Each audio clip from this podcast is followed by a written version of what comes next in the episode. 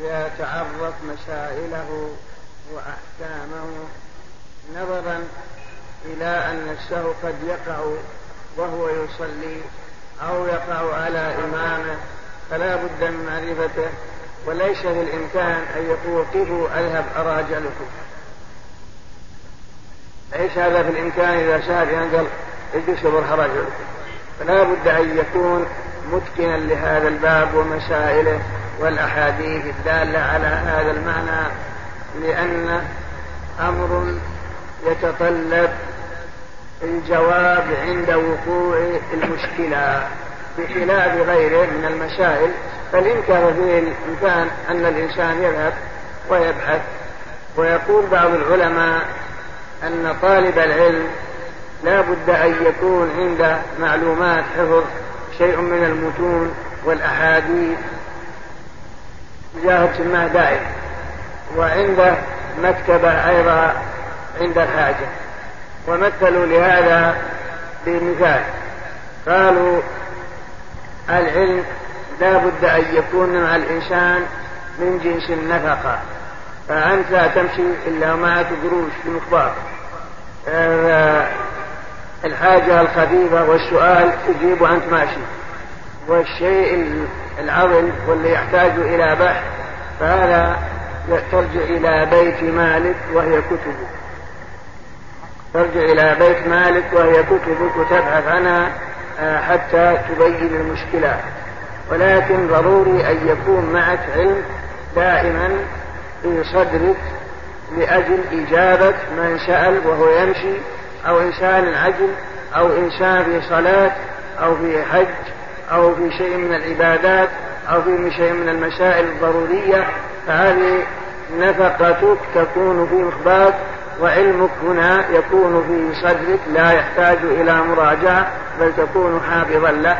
ومن ذلك أحكام سجود السهو لا سيما ما يقع منها غالبا للمصلين من إمام أو مسبوق أو منفرد أو معمول.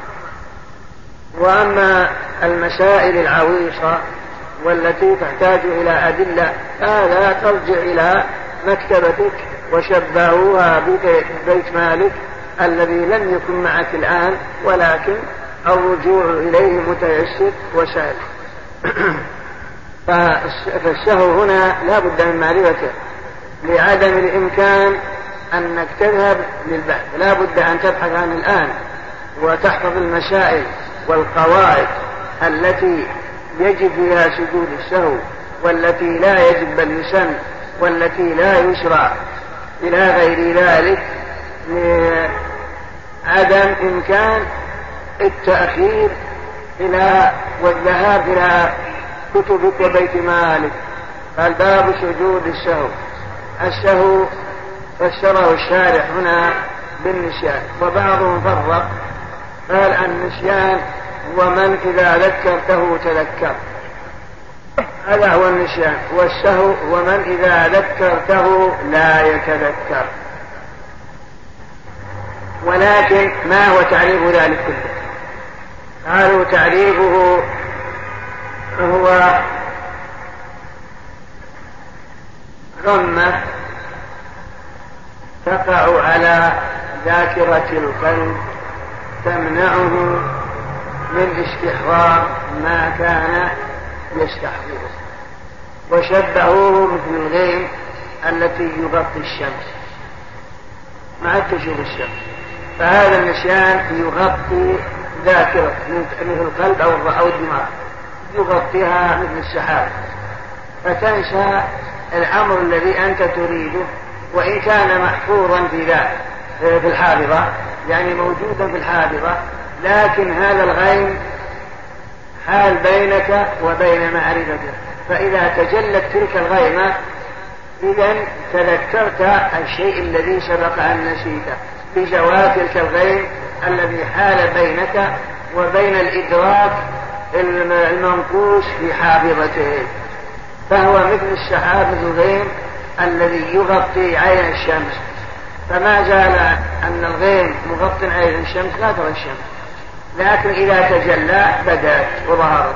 كذلك إذا تجلى هذه الغمة على على على ذاكرتك وحافظتك إذا تجلى لك الشيء الذي كنت تذكره والذي غاب عنك ونسيته بسبب ما قد حال بينك وبينه يشرع يجب تارة ويسن على ما تفسيره يشرع سجود الشرع بمعنى يجب تارة ويسن أخرى على ما يأتي تفصيله وفي بعض الحالات يجب أن تسجد للسهو كما لو ترك واجبا من واجبات الصلاة هذا يجب.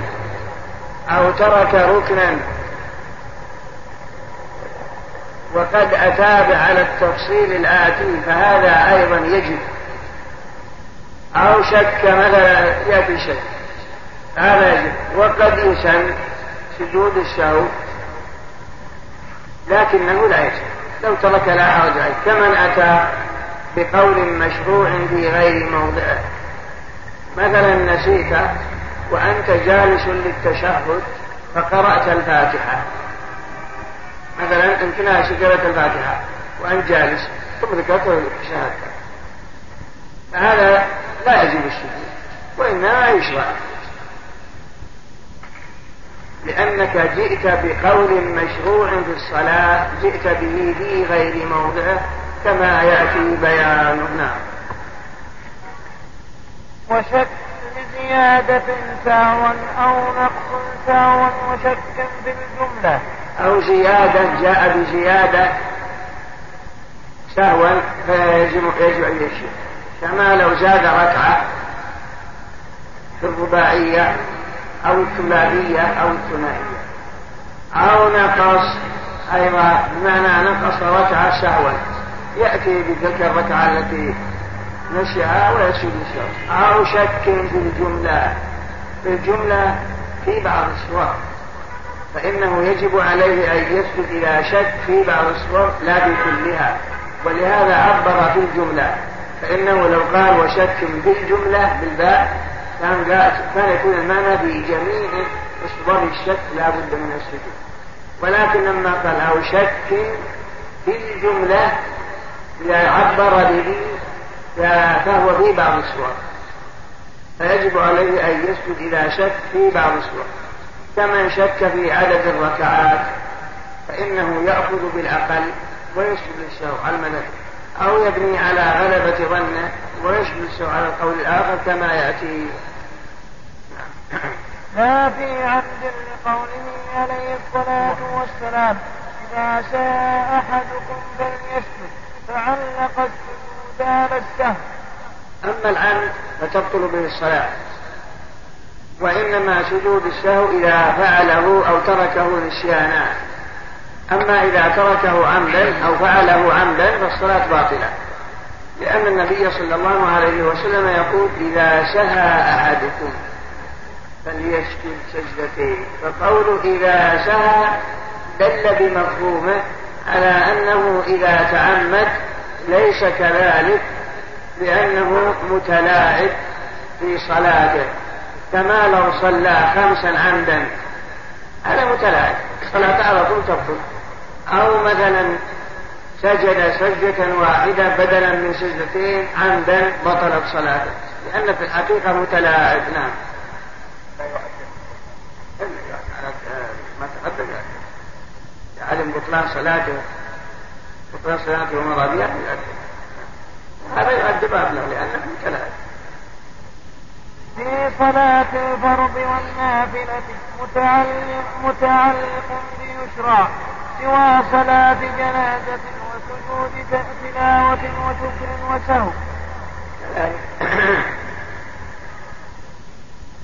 سواء كانت الصلاة فرضا أو نفلا فإنه يجب أن يسجد أو يسن كما تقدم إن كان زيادة أو نقص يجب وإن أتى بقول مشروع في غير موضعه فيسن سواء كانت الصلاة نافلة أو فرضا وهذا سوى صلاة جنازة وسجدة تلاوة وسجدة شكر وسجود شهو فلا يسجد فيها إلى سهو المعنى لو كنت أنت تصلي على هذا الميت. ومعلوم أن واجبات صلاة الصلاة على الجنازة القيام وقراءة الفاتحة والتكبير الأربع. يعني بعد الصلاة على النبي والدعاء للميت الثالثة والسلام بعد الرابعة. أخليت مثلا بالتكبير ما كبرتها إلا ثلاث أو بنتين نسيانا بدو تسجد السهو ولا. ما بها سجد السهو بعيد مكان قريب إذا حكمنا بأنها صلاة على التفصيل الذي يأتي للجنة ما ما السبب؟ يكونك لا تسجد السهو لأن صلاة الجنازة ليس فيها ركوع ولا سجود. فإذا سجدت صار سجود السهو أرقى من صلاة الجنازة. ومثل سجدة السهو لا تسجد. فمثلا سجدة التلاوة. فمثلا تقرأ القرآن ومررت بسجدة سجدت. لما سجدت لم تقل فيها سبحان رب الأعلى. كذا ليست واجب لأن سبحان رب الأعلى من واجبات سجدة التلاوة. كتاب سجد السهو يقول لا. لأن سجد السهو أكبر من سجدة التلاوة. سجدة التلاوة غير واحدة وسجدة السهو ثنتين سجدتين. فكيف تجبر الواحدة بسجدتين؟ لكن ما إما أن تعيدها ولا ما ولا ولا ما عليك شيء ومثل سجود السهو لو سهى في سجود السهو لا يسجد لسهوه في سجود سهوه. مثال عليك سجود سهو. بعدما فرغت من التشهد الأخير وأردت أن تسلم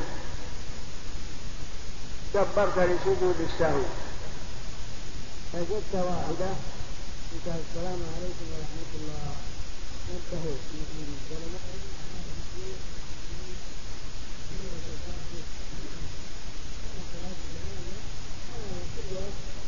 أولا ثناء على الرب سبحانه وتعالى ثم صلاة على النبي ثم دعاء للميت. آه دعاء للميت. آه فلا تشبه الصلاة من كل وجه ولا يتعطى حكم الصلاة من كل وجه. لتحرر الركوع والسجود والتشهد والقيام والقعود. فمتى زاد فعلا من جنس الصلاة قياما في محل قعود أو قعودا في محل قيام ولو قل كجلسة الاستراحة أو ركوعا أو سجودا عمدا بطلت صلاته إجماعا قاله في الشرح فمتى زاد من جنس فعل الصلاة كقيام في محل قعود أو قعود في محل قيام ولو كجلسة الاستراحة. عمدا بطل إذا كان جلسته الاستراحة لا لأجل بنية أنها سنة.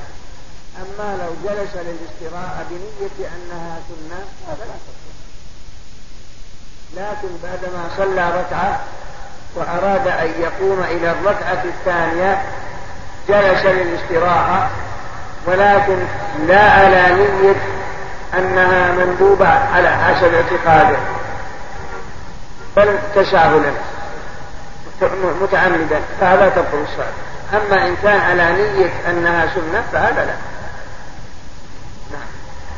وإن فعله سهوا يسجد له لقوله صلى الله عليه وسلم في حديث ابن مسعود. فإذا زاد الرجل أو نقص في صلاته فليسجد سجدتين رواه مسلم.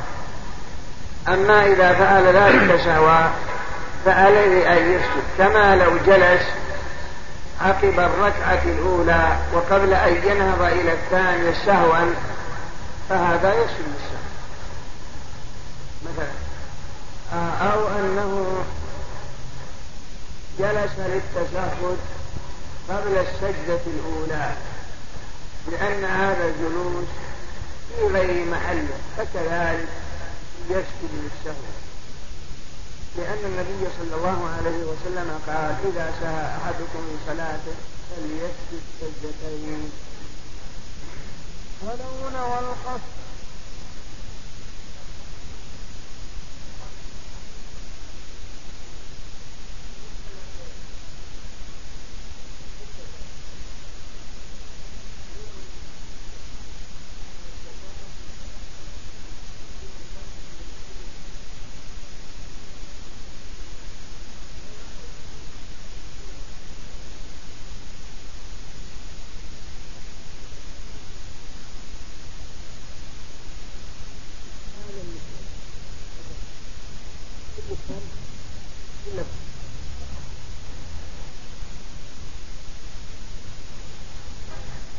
مثلا على بنت بنت مخاض. عندك 25 من الإبل.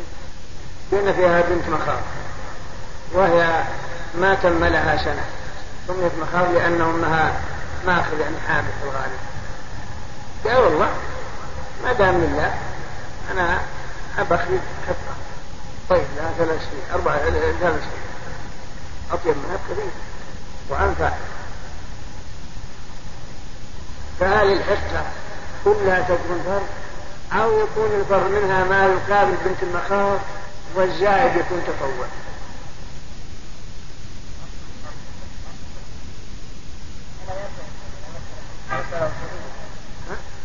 مسألة أصولية مين يشوف من نوى؟ أن يصلي ركعتين وكملها أربع نسيانة. قالوا انفرد ركعتين والزائد هذا سنة.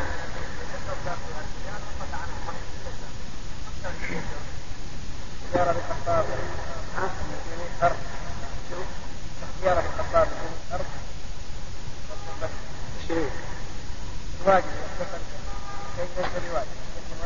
هذا في قول مذهب أحمد وغيره. كله كله يتمحض للبرية مثل هذا نعم ما يعني القول الآخر كله أما المذهب هنا سنة ولكن أنا ما ظهر لي وجه كونه سنة. ما ظهر لي ولا هم صريح تناول من تناول المتأخرين يقولون فرض الركعتان والركعتان الأخرى تكون سنة. ها؟ نعم. يمكن الله أعلم فائدة الخلاف في مثل هذا.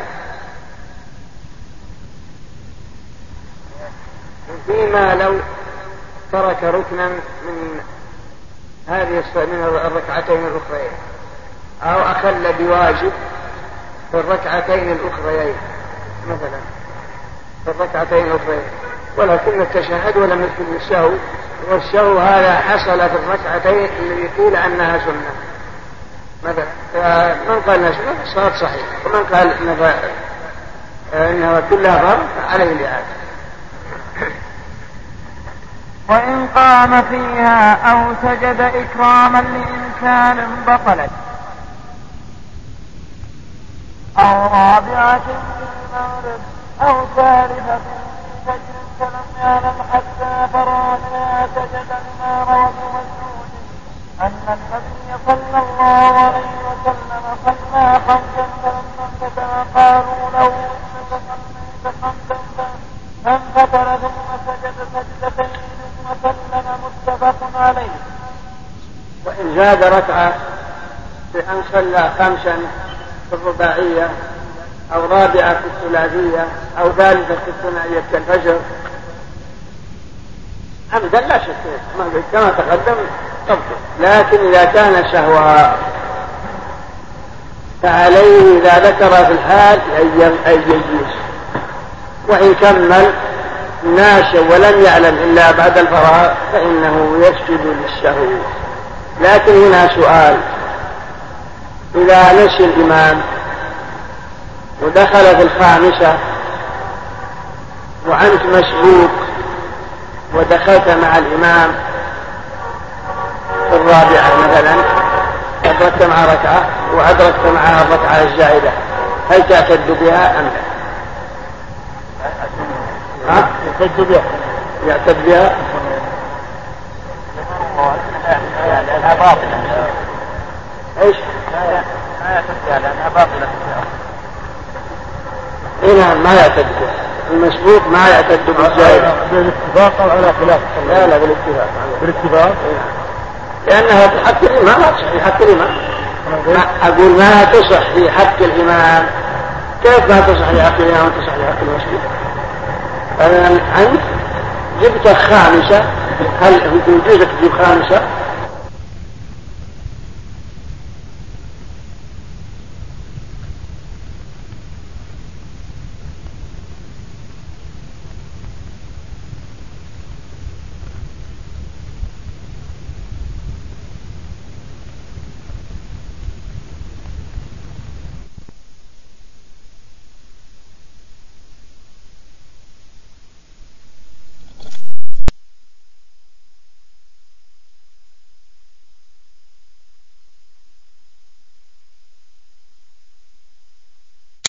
بسم الله الرحمن الرحيم. أيها الإخوة بموجب فهرس مكتبة الإبانة السمعية بجدة فإن رقم هذا الشريط هو سبعة وستون دال على ستة وخمسين وستمائة وثلاثة آلاف وهو الشريط الثاني عشر من شرح كتاب الصلاة من الروض المربع. أركان الصلاة وما يذكر في هذا الفصل ثلاثة أقسام ثلاثة أضرب أولا الأركان. ثانيا الواجبات. ثالثا السنن. هذه موضوع هذا الفصل. يذكر فيه أركان الصلاة وواجباتها وسننها أما الشرائط فقد تقدمت. الأركان جمع ركن وهو جانب الشيء الأقوى. والركن لا يسقط لا سهوا ولا عمدا بل لا بد منه. لكن بعضها تبطل الركعة التي ترك منها هذا الركن سهوا يعني لو كان عمدا بطلت الصلاة. لكن لو ترك ركنا سهوا فإن الركعة تبطل والثانية تقوم مقامها مقامها لكن على تفصيل يأتي ما هو مطلقة كما لو ترك سجدة لم يسجد في الركعة الأولى إلا سجدة واحدة ولم ينتبه إلا بعد أن شرع في الركعة الثانية. بطلت الركعة الأولى والتي تليها قامت مقام تكون الثانية الأولى. وإن أمكن أن يعود إليها فيأتي به كما لو ترك ركوعا مثلا فذكر فعليه أن يأتي به. فإن لم يمكنه بأن فعل الركن الذي بعده بطلت الركعة. أيضا. ولا يجبرها سجود سهو ولا غيره. وهذا البحث يأتي في أوائل باب صلاة الجماعة. عند قوله ومن ترك ركنا وكذلك يأتي قسم من في باب سجود السهو الذي يلي هذا الفصل. والذي في الجماعة هو حكم سبق المأموم إلى الإمام سبق المأموم الإمام أو تخلف المأموم عن الإمام هذا الذي يأتي. كما لو قمت أنت واقف ركع الإمام ورفع وأنت واجب شاهد وسجد.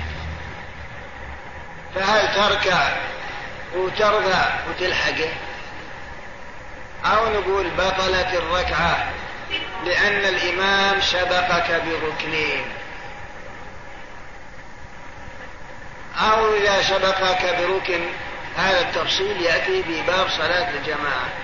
أو مثلا تخلفت عنه سجدت أو ركعت ركع الإمام وركعت معه ولكن رفع قال سمع الله لمن حمده ثم سجد في ركوعك.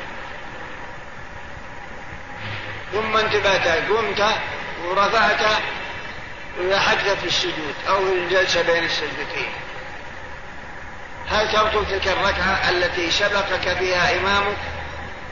يأتي بيان في باب صلاه الجماعة أن إذا سبقك بركنين أو سبقته بركنين تبطل إلا الركوع فتبطل قالوا لأنه معظم الركعة على تفصيل يأتي. أو مثلا تكون الركعة ملفقة. ومعنى ملفقة أنت مأموم. كبر الإمام وركع في الهواء ركعت معه.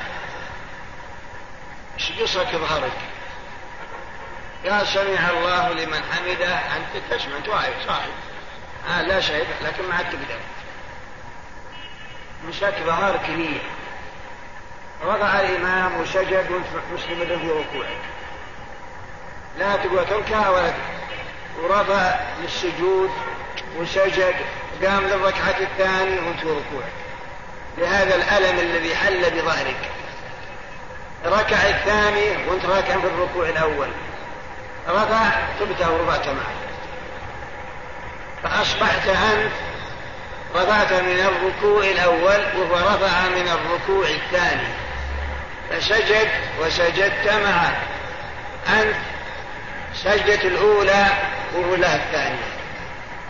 فهل تصح؟ هذه أو لا تصح؟ وتسمى بالركعة الملفقة هذا هذه الأحكام ونظائرها.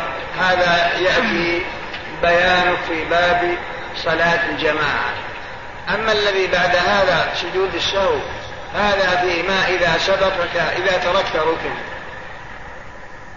مثلا تركه الإمام أو تركته أنت وذكرته هل ترجع إليه أو لا ترجع وهل هنا تفصيل فيما إذا شرعت في الركعة الأخرى أنك تمضي ولا ترجع أو ترجع مطلقا هذا يأتي بيان في باب سجود السهو والكلام الآن في بيان أركان الصلاة على وجه الإجمال لا على وجه التفصيل لأنه سيأتي بيانها موصلة و... وأركان الصلاة أربعة عشر القيام وقلنا إن الأركان جمع ركن. والركن هو جانب الشيء الأقوى جانب الشيء الأقوى. والركن هو ما يكون إلا في الصلاة. فإن قلت ما الفارق بينه وبين الشروط. قلنا لك تقدم لك أن الشروط جمع شرط وهو ما كان قبلها. لا بد أن الشروط تكون موجودة قبل الصلاة إلا أنها تشتمل أما الأركان ما هناك شيء قبلها؟ فأولها تكبيرة الإحرام إذا انعقدت الصلاة. ما هناك شيء يسبق تكبيرة الإحرام؟ بخلاف الأركان. الشروط فمنها الوقت والطهارة. كل هذه قبل الصلاة. إلا أنها لابد من الاستمرار. وستر العورة ما يمكن ندخل الصلاة وعورتك مكشوفة وكذلك إزالة النجاسة اجتناب النجاسة. كل هذا قبل الصلاة. ولكن لا بد من الاستمرار وأنت في الصلاة. واستقبال القبلة والنية. كلها تكون سابقة قبل الدخول في الصلاة. أما الأركان فهي في نفس الصلاة وإن كانت الشروط تشتمل في نفس الصلاة لكن ابتداؤها قبل الصلاة. وبعضهم يسمي هذا هو الفارق بين الأركان والشروط. وبعضهم يسمي الأركان فرائض والخلف لفظي. نعم. يعني كيف نفرق بين الأركان والسنن مع أن هذه وهذه كلها في السنن مع نعم. السنن يأتي بيانها مثل رفع اليدين مثل قبض اليمين قبض القبض قبض اليسرى بالكف الأيمن ومثل الجهر بالصلاة الجهرية والإسرار بالصلاة السرية ومثل الزيادة على رب كل المرة. والزيادة على سبحان رب الأعلى والعظيم. واجب مرة وما زاد على هذا سنة. ومثل أيضا ما بعد في التشهد ما بعد قولك اللهم صل على محمد وما بعد كلها سنن أقوال وأفعال. ومثل الالتفات هذا كله يأتي. قالوا هذا من السنن ومن كمال الصلاة لكنه ليس بواجب ولا هو بركن من أركان الصلاة إنما هو من كمال الصلاة وهذا يأتي بيانه. نعم. القيام في فرض لقادر قوله تعالى وقوموا لله قانتين وحده ما لم يصف راكعا. الأول من أركان الصلاة القيام. فلو صلى جالس صلى الفريضة جالسا مع قدرته على القيام لم تصح صلاته. لأن الله سبحانه وتعالى يقول وقوموا لله قانتين وهذا أمر والأمر يقتضي الوجوب.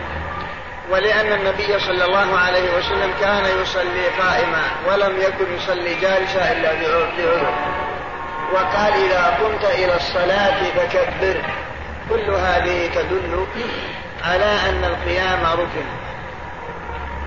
ولكن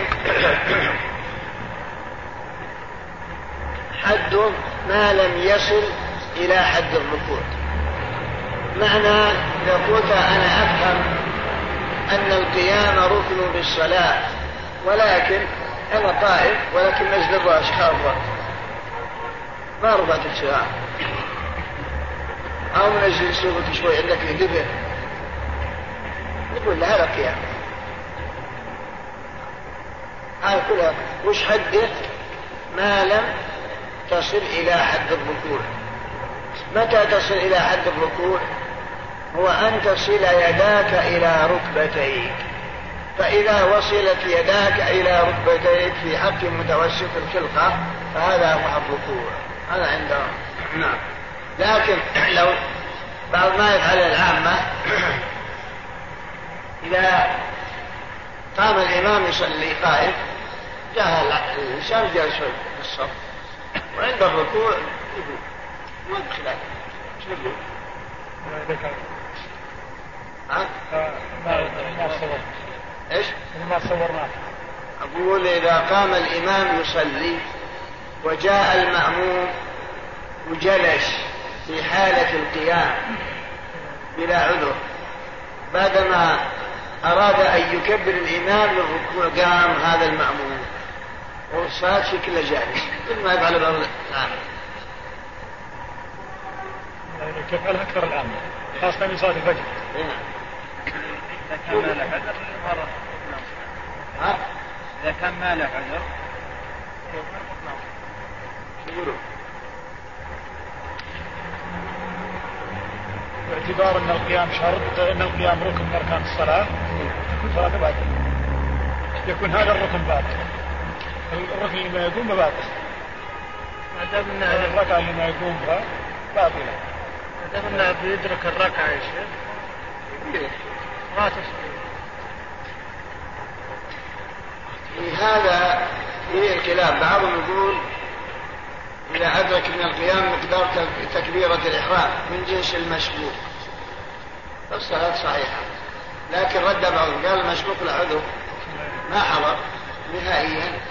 كيف يكون هذا جالس دخل مع الإمام ينبغي يكبر قام ويسجد بتكبيرة الركوع قدر قادر تكبيرة الإحرام من ركعة.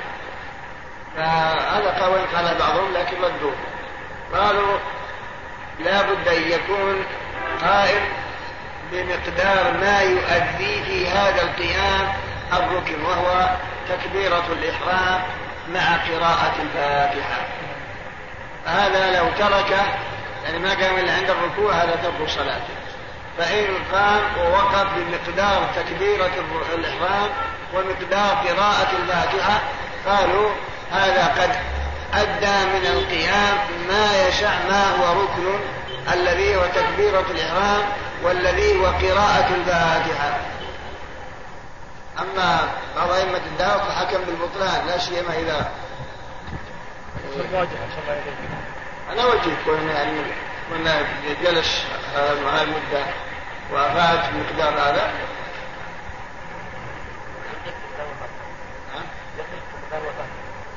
ضد الفاتحة لكن أنا أقول ما ينبغي أنه يفتح الباب قال لك يمسل لا تسبق عذر ما ينبغي. التحديد ما هو اجتهاد. والتحريمة أي تكبيرة الإحرام لحديث تحريمها التكبير الركن الثاني من أركان الصلاة تكبيرة الإحرام.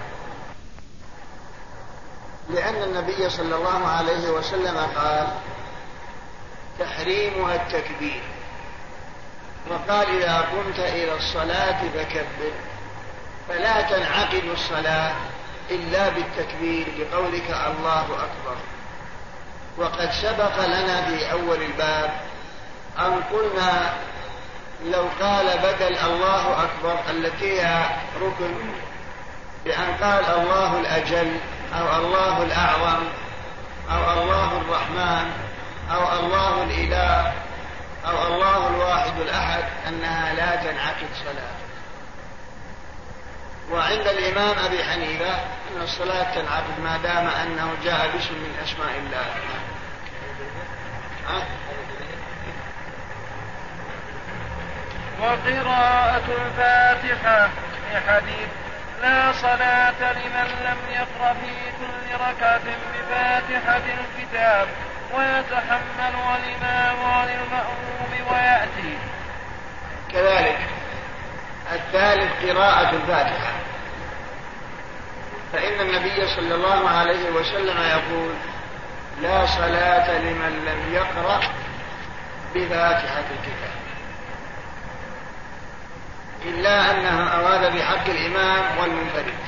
أما المأموم فقالوا إن الإمام يتحملها عن المأموم كما أن الإمام يتحمل شهوه شهو المأموم على التفصيل الذي سيأتي في الباب بعده فكذلك. والقول الآخر أن قراءة الفاتحة متعينة على الإمام والمأموم والمنفرد. بعموم هذا الحديث لا صلاة لمن لم يقرأ بفاتحة الكتاب. فليس ما يدل على سقوط على تحمل الإمام لها عن المأمون. لكن قالوا إنه جاءت أحاديث مثل ما روي لعلكم تقرؤون خلف إمامكم. قلنا نعم. قال لا تفعلوا إلا بفاتحة الكتاب. فإنه لا صلاة لمن لم يقرأ بها. هذا من جملة ما استدل به على أن المأموم يقرأ. أما الذين يقول الإمام يتحملها فيستدلون بحديث قراءة الإمام قراءة لمن خلفه.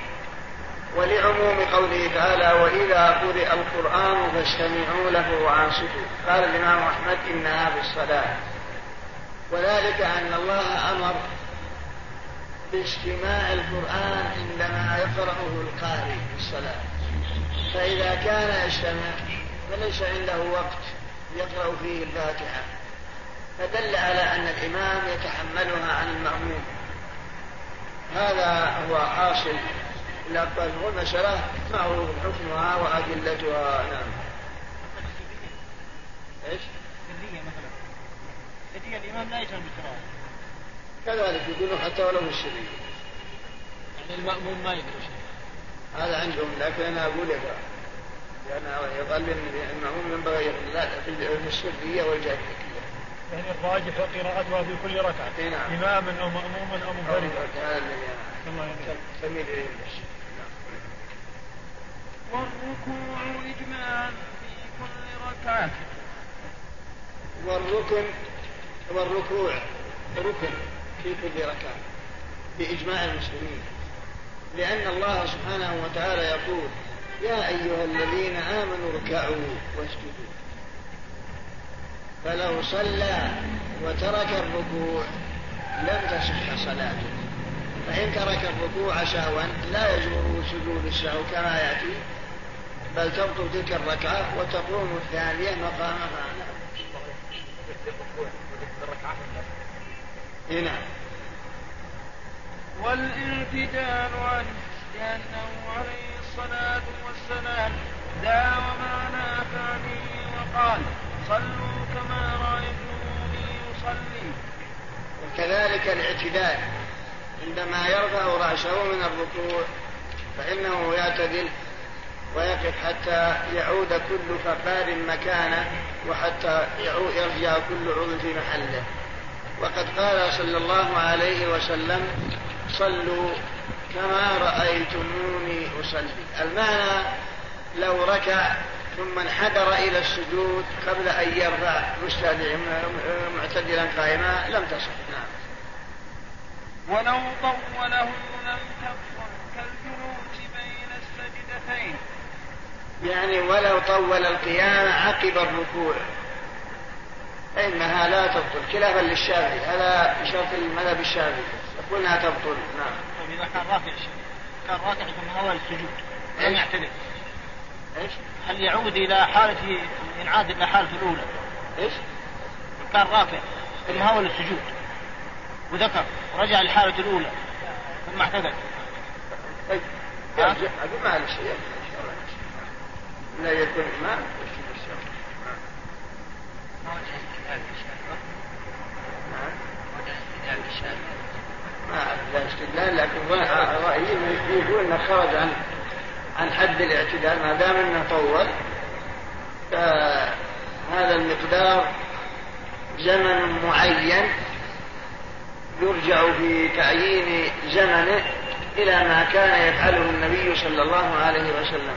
وإذا زاد على الدعاء المشروع في هذا الاعتدال ربنا ولك الحمد ملء السماوات ومن الأرض إلى آخره لا يكون قد زاد على المشروع هذا عنده وهم يقولون ما دام إنه في محل قيام ولا هناك نص.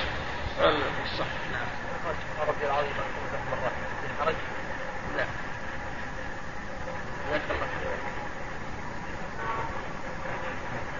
ويدخل في الاعتدال الرفع والمراد إلا ما بعد الركوع الأول والاعتدال عنه في صلاة الكسوف والمراد ما بعد الركوع الأول هو الذي أوتر أما ما بعد الركوع الثاني في صلاة الكسوف فإنه سنة لأن الركوع الثاني في صلاة الكسوف سنة وليس بواجب لا يكون الإنسان مدركا به الركعة فمثلا لو كنا نصلي الكسوف قرأ الإمام الفاتحة وقرأ سورة ثم ركع ركوعا طويلا ثم رفع ثم قرأ الفاتحة وسورة ثم ركع جيت أنت في الركوع الثاني.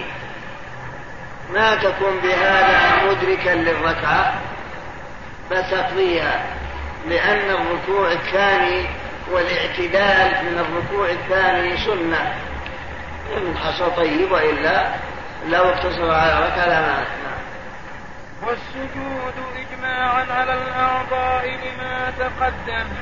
والسجود ركن من أركان الصلاة على الأعضاء السبعة. كما تقدم أمرت أن أسجد على سبعة أعضاء. ولقوله تعالى يا أيها الذين آمنوا اركعوا واسجدوا. واعبدوا ربكم وافعلوا الخير لعلكم تفلحون. نعم. والجلوس والاعتدال عنه أي الرفع منه ويغني عنه قوله والجلوس بين السجدتين. لقول عائشة كان النبي صلى الله عليه وسلم إذا رفع رأسه من السجود لم يسجد حتى يستوي قاعدا رواه مسلم. وكذلك الجلسة بين السجدتين وهي ركن وهي المراد بالاعتدال من السجدة الأولى. السجدة الأولى إذا أدى فيها ما يتعين عليه من التسبيح يرفع مكبرا ثم يجلس بين السجدتين وهذه الجلسة بين السجدتين هي ركن من أركان الصلاة لا بد منه وما يقول فيها واجب وهو رب ذلي إلى آخره طيب في هذه الآية مقدم إيش؟ قدم السجود على الركوع وش السجود؟ قول وقت لربك واسجد واركع مع الآية الأخرى يا أيها الذين آمنوا اركعوا واسجدوا واعبدوا ربكم وافعلوا الخير لعلكم تفلحون. وهذا إيش؟ الداعي شيخ الجنة والاعتدال عنه قال والجلوس؟ قال والاعتدال من من السجود إيش؟ ثم قال والجلوس بين فيه؟ أبو ذكر شيئين المعنى واحد. لا قول الشارع مو بشيء شيء واحد. قل لأن لا يمكن أن يصير الجلوس إلا بالاعتدال وهو الرفع. يكون شيء واحد. يقول أقوال الجلوس يغني عن قول الاعتدال يعني عبارة عن اعتدال وش إيش؟ يعتبر الاعتدال انفراد يعني عبارة يقول الشارع؟ خالف الشارع خالف الماتن يقول إن الجلوس عن هذا هو الواقع كلام الشارع وجه أن تنقص. أربعة الأربعة لا ما يفهم.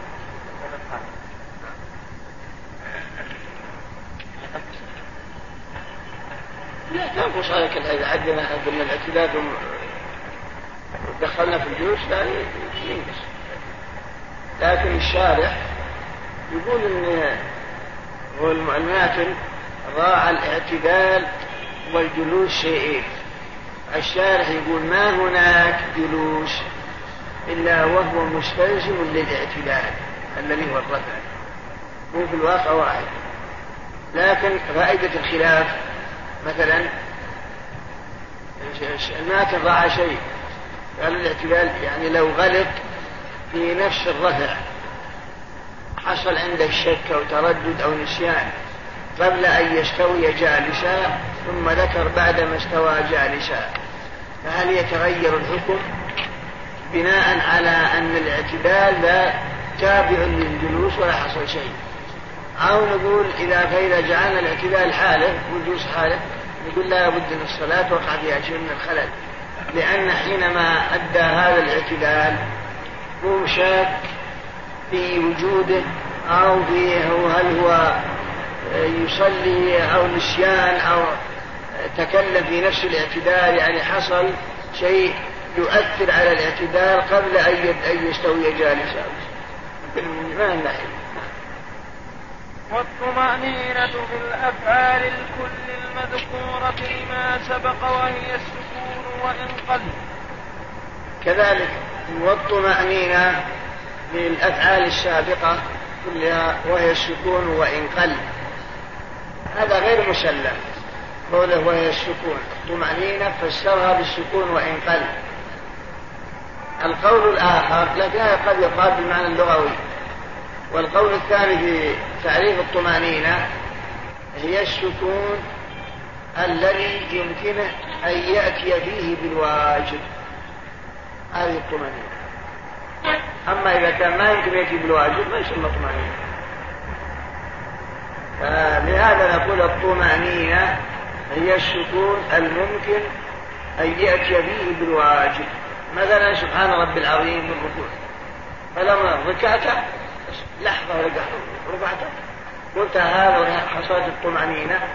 لأنها أقل سكون أقول لا أقل سكون تؤدي به سبحان رب العظيم كذلك السجود أقل سكون تؤدي به سبحان رب الأعلى وإذا لا يمكن أن تؤدي سبحان رب الأعلى ما ما ما حصلت الطمأنينة. وين حصل سكون؟ لأنت استوت أعضاءك كلها. كذلك الرفع من الركوع. لا بد من الطمأنينة. ما نقول أقل سكون نعم. أقل سكون يمكنك أن تؤدي به الواجب. ربنا ولك الحمد. وهكذا. والتشهد الأخير وجلسته لقوله عليه الصلاة والسلام إذا قعد أحدكم في صلاته فليقل التحيات لله. الخبر متفق عليه. التشهد الأخير ركن وجلسته أيضا. يعني لو جلس ولم يتشهد فاته الركن أو تشهده خائن فكذلك فلا بد من الجلوس ولا بد من التشهد في الحديث هذا الذي أشار إليه الشاعر إذا قعد أحدكم وغير من الأحاديث نعم إيش؟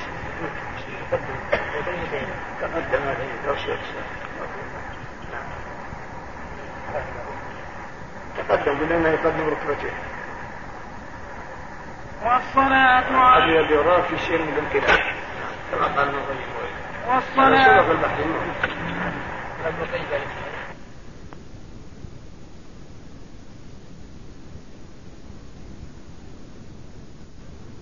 لم تصح صلاة نعم أي في التشهد الأخير لحديث كابل السابق نعم. والترتيب بين الأركان لأنه صلى الله عليه وسلم كان يصليها مرتبة وعلمها للمسيء في صلاته مرتبة بثمة وكذلك لا بد من الترتيب بين هذه الأركان السابق بيانها لو قدم ركنا على ركن لم تصح.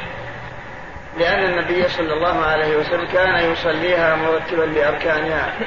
ويقول صلوا كما رأيتموني أصلي. ولأنه علم الأعرابي الجاهل قال ثم ثم إذا قمت إلى الصلاة فكبر ثم اركع.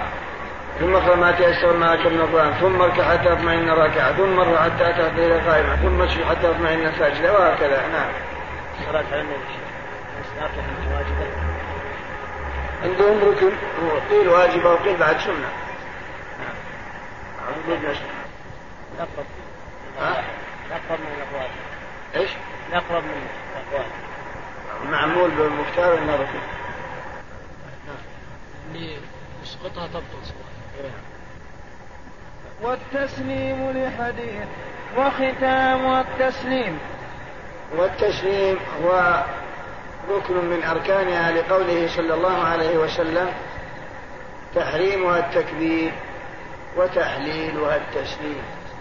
ولحديث عائشة وكان يختم صلاته بالتسليم. نعم.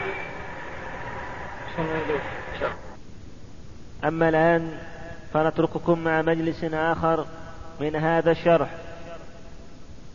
وواجباتها التكميل غير التحريمة والتسميع والتحميد وتسبيحة الركوع والسجود وسؤال المغفرة مرة مرة ويسن ثلاثا والتشهد الأول وجلسته وما عدا الشرائط والأركان والواجبات المذكورة سنة.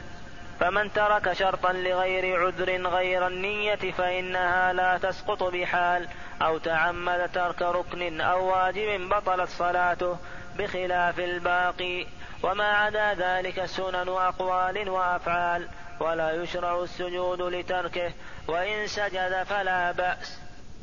الحمد لله رب العالمين وصلى الله وسلم على نبينا محمد وعلى آله وصحبه. قال رحمه الله تعالى واجباتها اي الصلاة ثمانية التكبير غير التحريم فهي ركن كما تقدم.